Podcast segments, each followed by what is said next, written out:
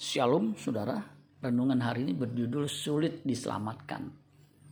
1 Petrus 4 ayat 18. Dan jika orang benar hampir-hampir tidak diselamatkan, apakah yang akan terjadi dengan orang fasik dan orang berdosa? Alkitab yang terbuka untuk ayat yang sama 1 Petrus 4 ayat 18 dikatakan begini. Jika orang saleh saja sulit diselamatkan, bagaimana dengan orang jahat dan orang berdosa? Kekristenan memang ditawarkan sering ditawarkan sebagai jalan mudah masuk sorga. Orang yang mengajar demikian lupa akan ayat ini. 1 Petrus 4 ayat 18 versi terjemahan sederhana Indonesia 2 mengatakan begini. Seperti yang tertulis dalam firman Allah, tidak gampang bagi orang baik untuk diselamatkan. Apalagi orang-orang yang berdosa dan yang melawan Allah pasti akan dibuang ke dalam api neraka. Jika orang saleh saja sulit diselamatkan, bagaimana dengan mereka yang hidup sembarangan dan serampangan? Ajaran Kristen sudah disimpangkan.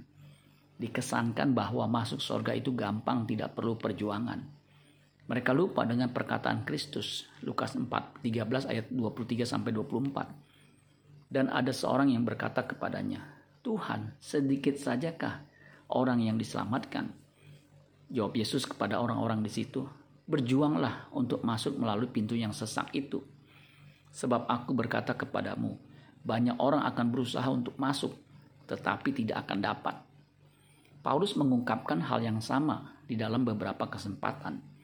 2 Timotius 3 ayat 12, memang setiap orang yang mau hidup beribadah di dalam Kristus Yesus akan menderita aniaya. Filipi 2 ayat 12 sampai 15. Hai saudara-saudaraku yang kekasih, kamu senantiasa taat. Karena itu tetaplah kerjakan keselamatanmu dengan takut dan gentar. Bukan saja seperti waktu aku masih hadir, tetapi terlebih pula sekarang waktu aku tidak hadir. Karena Allah lah yang mengerjakan di dalam kamu, baik kemauan maupun pekerjaan menurut kerelaannya.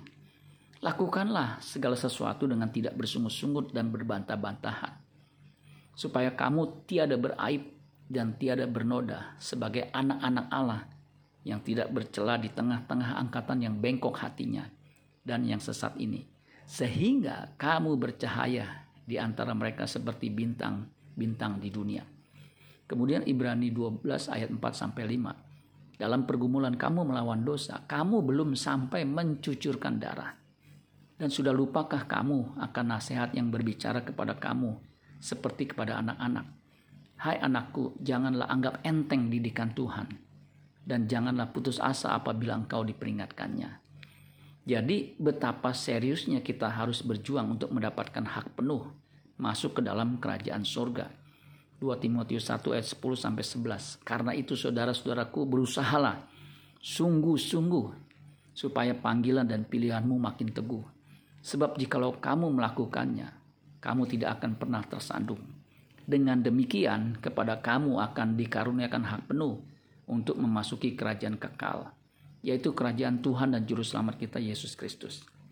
Kita harus menunjukkan keseriusan kita ketika kita masih berada di bumi ini. Ibrani 6 ayat 11, tetapi kami ingin supaya kamu masing-masing menunjukkan kesungguhan yang sama untuk menjadikan pengharapanmu suatu milik yang pasti sampai pada akhirnya. Amin buat firman Tuhan. Tuhan Yesus memberkati. Sola Gracia.